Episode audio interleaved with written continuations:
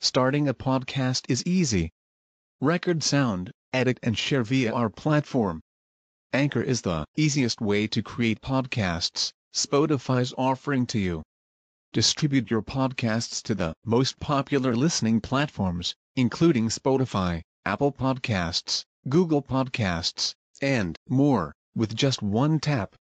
Download the free app to start your podcast with the versatile platform from Anchor. Thank you.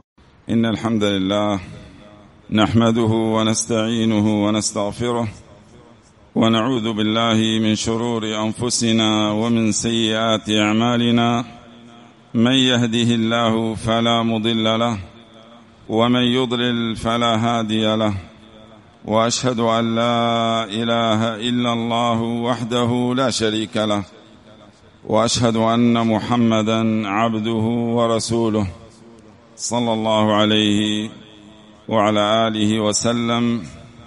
أما بعد عباد الله في حياتنا وفي أيامنا وليالينا نشهد مواعظ وعبرا. هذه المواعظ والعبر توقظ الغافل وتنبهه. وهي كثيرة ومنها ما قد أخبر به النبي صلى الله عليه وسلم. فمن تأمل في هذه العبر والمواعظ استفاد واتعظ وصحح المسار. فأذكر في هذا المقام من هذه المواعظ التي نعايشها في يومنا وفي ليلنا موعظتان.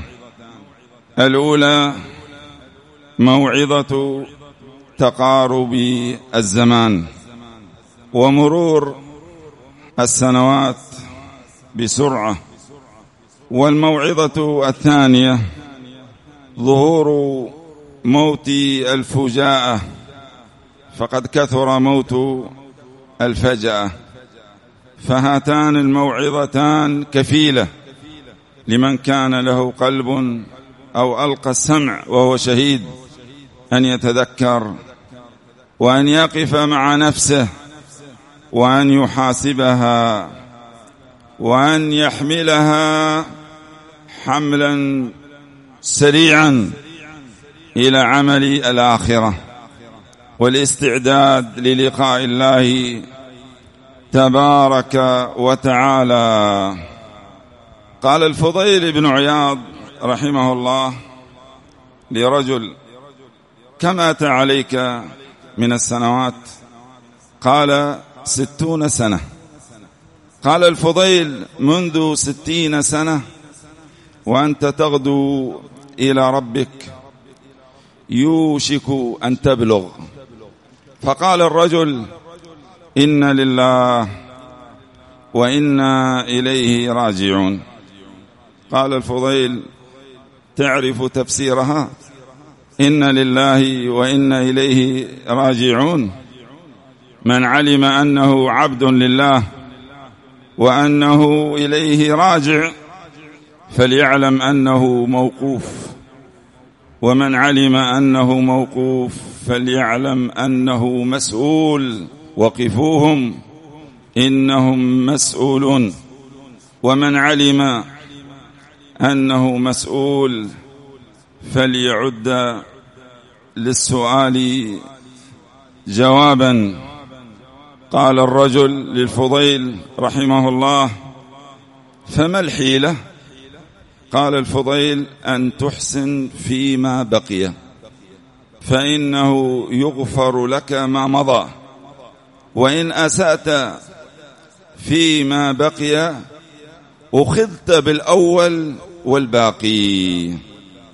أيها الناس نبينا صلى الله عليه وسلم قد أخبرنا عن هاتين العلامتين اللتان هما موعظة وخبره هذا يعد علما على نبوته صلى الله عليه وسلم. فقد جاء في مسند الإمام أحمد عن أبي هريرة رضي الله عنه أن النبي صلى الله عليه وسلم قال لا تقوم الساعة حتى يتقارب الزمان فتكون السنة كالشهر. ويكون الشهر كالجمعة أي كالأسبوع. وتكون الجمعة كاليوم. ويكون اليوم كحرق السعفة. أي كزمن حرق السعفة. وأخرج الطبراني في الأوسط عن أنس بن مالك رضي الله عنه أن النبي صلى الله عليه وسلم قال إن من اقتراب الساعة أن يظهر موت الفجاءة أن يظهر موت الفجاءة. وكلا الحديثين صحيح فالأول في الصحيح المسند والثاني في السلسلة الصحيحة. وتقارب الزمان قد لمسه العلماء قبل. ذكر هذا الحافظ ابن حجر وهو من أعيان القرن التاسع. لمس تقارب الزمان وأن السنة تمضي سريعا. فكيف ونحن في القرن الخامس عشر؟ فإننا نلمس أن السنة تمضي وكأنها شهر والأعمار تنطوي.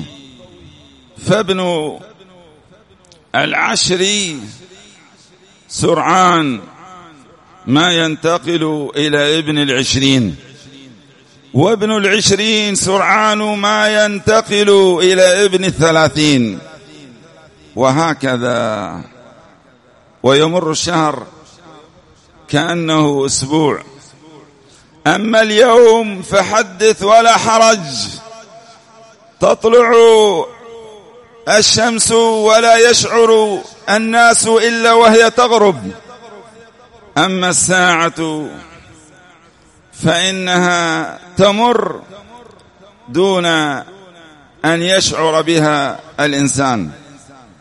وكل ذلك من أعمارنا. يا ابن آدم إنما أنت أيام.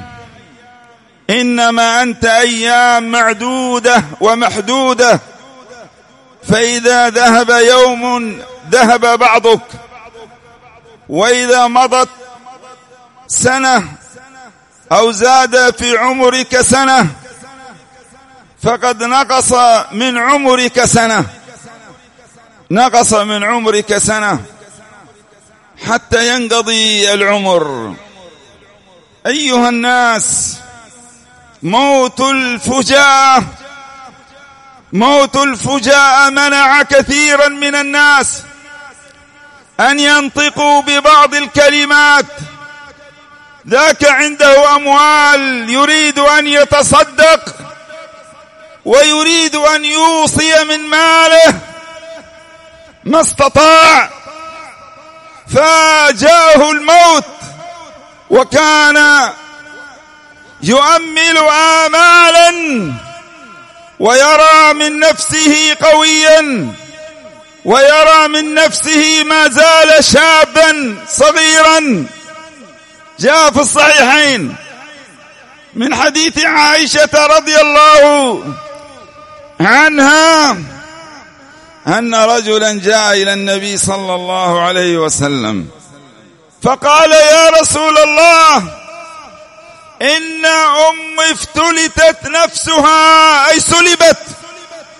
إن أم افتلتت نفسها أي فجأة وأظنها لو تكلمت لتصدقت. إن أمي تأملوا في هذا السؤال.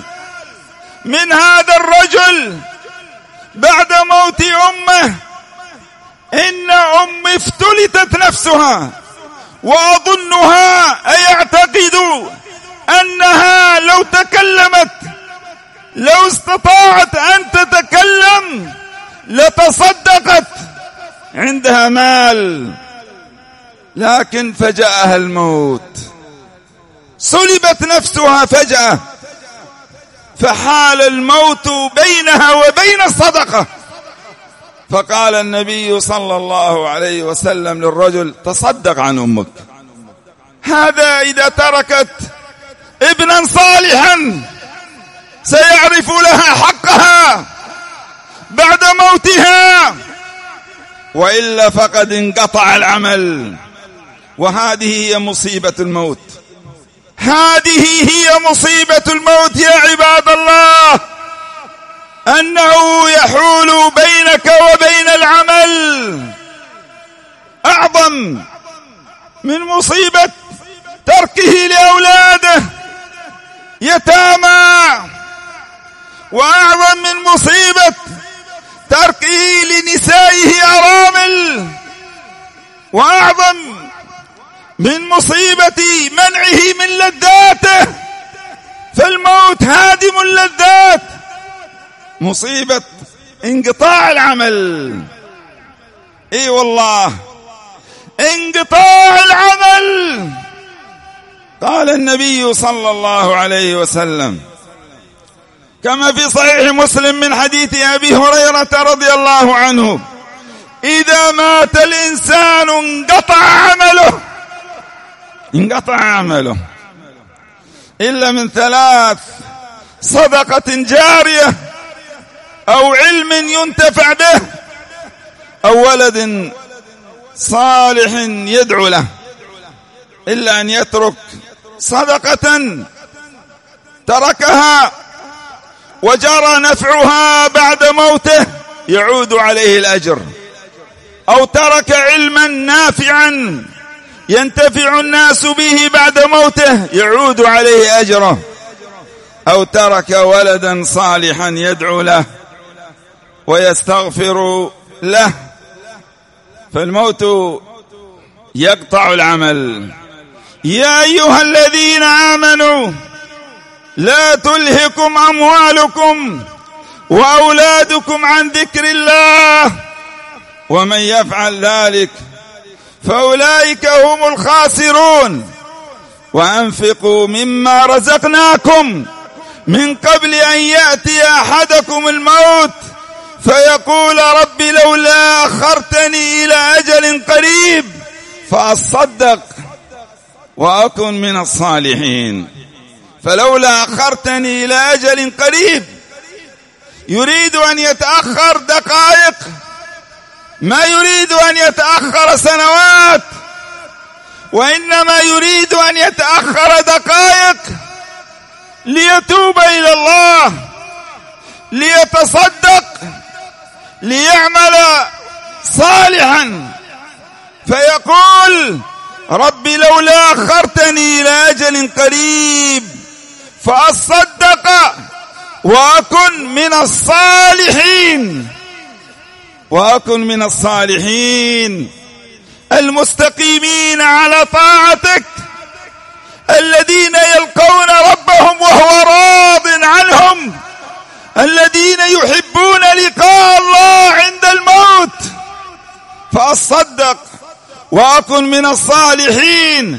ولن يؤخر الله نفسا إذا جاء اجلها إذا جاء اجلهم فلا يستأخرون ساعة ولا يستقدمون. إذا حان الأجل فإنه لا يستطيع أحد أن يؤخره. ولو اجتمع على هذا الشخص الذي حضر أجله أطباء الدنيا اجتمعوا كلهم عليه.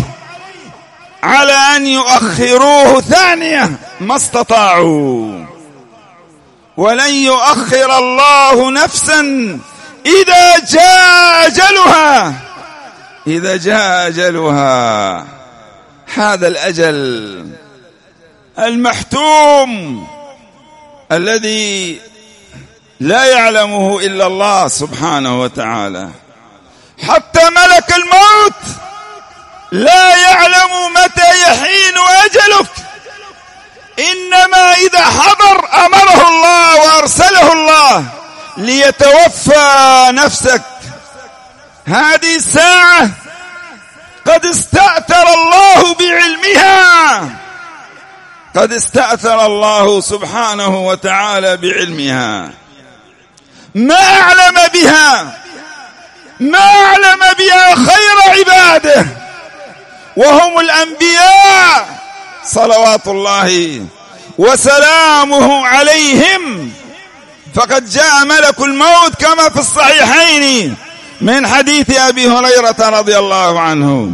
جاء إلى موسى في صورة رجل في صورة رجل ليقبض روح موسى. ففقاه موسى في عينه فرجع ملك الموت إلى الله. فقال يا رب عبدك موسى لا يريد الموت وموسى لا يعلم أنه ملك الموت. قال ارجع إليه وأخبره وخيره خيره بين الموت وبين أن يبقى في الدنيا بقدر ما يضرب بمتن يده على جلد ثور وله بكل شعر سنة. فجاء ملك الموت وأخبر موسى بذلك. قال موسى وماذا بعد ذلك؟ ماذا بعد هذه السنوات الطوال؟ قال له بعدها الموت. قال إذا الآن. فكل آت قريب كل آت قريب. وما يدريك لعل الساعة تكون قريبا فتوفاه الله عز وجل. ونبينا صلى الله عليه وسلم. كما في الصحيحين من حديث عائشة رضي الله عنها. لما جاءه ملك الموت خيره والأنبياء يخيرون. جاءه ملك الموت وهو لا يعلم صلى الله عليه وسلم. اشتد به المرض. اشتد به المرض عند موته وكانت عنده قصعة يضع فيها ما يضع يده عليها ويمسح على وجهه ويقول إن للموت لسكرات. جاءه الموت وخيره. كما تخبر عائشة عرفت بإشارة النبي صلى الله عليه وسلم. يشير بإصبعه إلى السماء وهو يقول في الرفيق الأعلى في الرفيق الأعلى. اختار الموت اختار الموت اختار لقاء الله سبحانه وتعالى فتوفاه الله عز وجل عن عمر ثلاث وستين سنة. وهذا غالب أعمار هذه الأمة. ما بين الستين والسبعين. وقليل من يجاوز ذلك. فالموت أمر حتمي. ما يستطيع أن يفر منه الأمراء والرؤساء ولا يستطيع أن يفر منه الأثرياء والأغنياء ولا يستطيع أن يفر منه الأقوياء والأصحاء. قل إن الموت الذي تفرون منه فإنه ملاقيكم ثم تردون إلى عالم الغيب والشهادة. فينبئكم بما كنتم تعملون. الحمد لله رب العالمين وأشهد أن لا إله إلا الله وحده لا شريك له وأشهد أن محمدا عبده ورسوله صلى الله عليه وعلى آله وسلم. أما بعد أيها الناس فلنعتبر. ها نحن لا يمر علينا يوم أو يومان أو ثلاثة أو أقل أو أكثر إلا ونشيع في اليوم الجنازة والجنازتين فهل لنا في ذلك عبرة؟ وهل لنا في ذلك عظة؟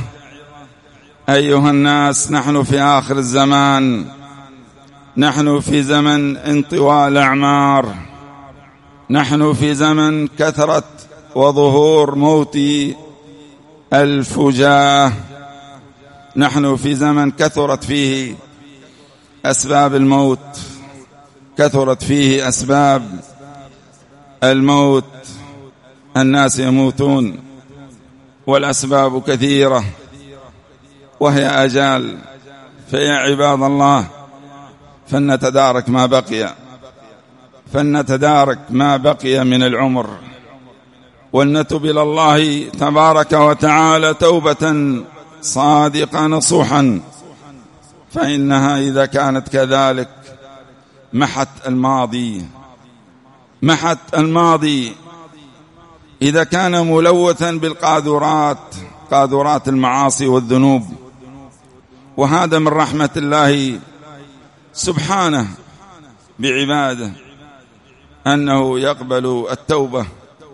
وأنه يغفر الحوبة وإني لغفار وإني لغفار لمن تاب وآمن وعمل صالحا ثم اهتدى. حافظ على التوبة استقام عليها إلى أن لقي ربه. فإذا جاءه الموت وهو على هداية وهو على صلاح فإنه يسعد يسعد في الدنيا والآخرة ويبشر عند الموت ببشارات عظيمة تجعله يحب لقاء الله ويحب الخروج من هذه الدنيا دار الابتلاءات والمحن. إن الذين قالوا ربنا الله ثم استقاموا تتنزل عليهم الملائكة ألا تخافوا ولا تحزنوا. تتنزل عليهم الملائكة عند الموت. ألا تخافوا ولا تحزنوا. وأبشروا بالجنة بشارات. وهو ما زال على ظهر الأرض لم يدخل في باطنها. وأبشروا بالجنة التي كنتم توعدون. قبل أن يحضركم الموت كنتم توعدون بالجنة إذا استقمتم. إن الذين آمنوا وعملوا الصالحات كانت لهم جنات الفردوس نزلا خالدين فيها لا يبغون عنها حولا. وبشر الذين آمنوا وعملوا الصالحات أن لهم جنات تجري من تحتها الأنهار. الآية وأبشروا بالجنة التي كنتم توعدون. نحن أولياؤكم في الحياة الدنيا وفي الآخرة ولكم فيها ما تشتهي أنفسكم ولكم فيها ما تدعون. نزلا من غفور رحيم. يبشر بهذه البشارات يبشر برحمة الله ورضوانه كما في حديث عائشة في صحيح البخاري. فيحب لقاء الله فيحب الله لقاءه. أما ذاك الفاجر الظالم الكافر المنافق الكذاب فإنه عند الموت يبشر بسخط الله وعذابه فيكره لقاء الله ويكره الله لقاءه.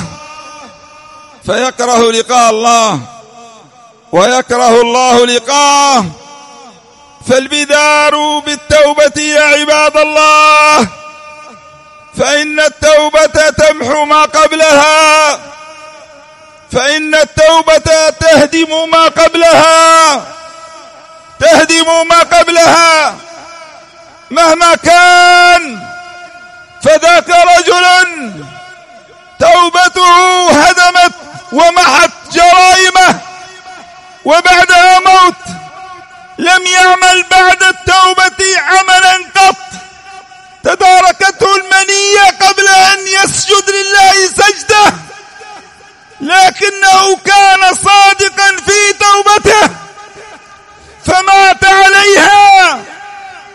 جاء في الصحيحين من حديث أبي سعيد الخدري أن النبي صلى الله عليه وسلم أخبر عن رجل من بني إسرائيل. قتل تسعة وتسعين نفسا. ثم أراد أن يتوب. فقال دلوني على عالم. فدل على راهب عابد ليس عنده علم. قال له إني قتلت تسعة وتسعين نفسا. هل لي من توبة؟ قال له لا. استبشع واستعظم جريمته. فقال له لا. فقتله وكمل به المئة. وما زال يريد أن يتوب. فقال دلوني على أعلم أهل الأرض. فدل على عالم. فقال له إني قتلت مئة نفس. هل لي من توبة؟ قال له وما الذي يحول بينك وبين التوبة؟ ما الذي يحول بينك وبين التوبة؟ ولو قتلت مئة نفس وأكثر. بل ولو أشركت وكفرت فالله يقبل التوبة. وما الذي يحول بينك وبين التوبة؟ فتاب وأمره ونصحه هذا العالم حتى يحافظ على توبته أن ينتقل إلى بلد كذا. قال له فإن فيها قوما صالحين يعبدون الله فاعبد الله معهم. وهذا من أسباب الحفاظ على التوبة.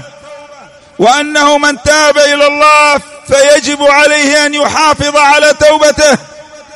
فأخذ هذا الرجل بنصيحة هذا العالم. فانتقل إلى تلك البلد ونزلت عليه المنية في الطريق. فجاءت ملائكة العذاب لتأخذه. وقالت لم يعمل خيرا قط. وجاءت ملائكة الرحمة لتأخذه وقالت لقد تاب توبة.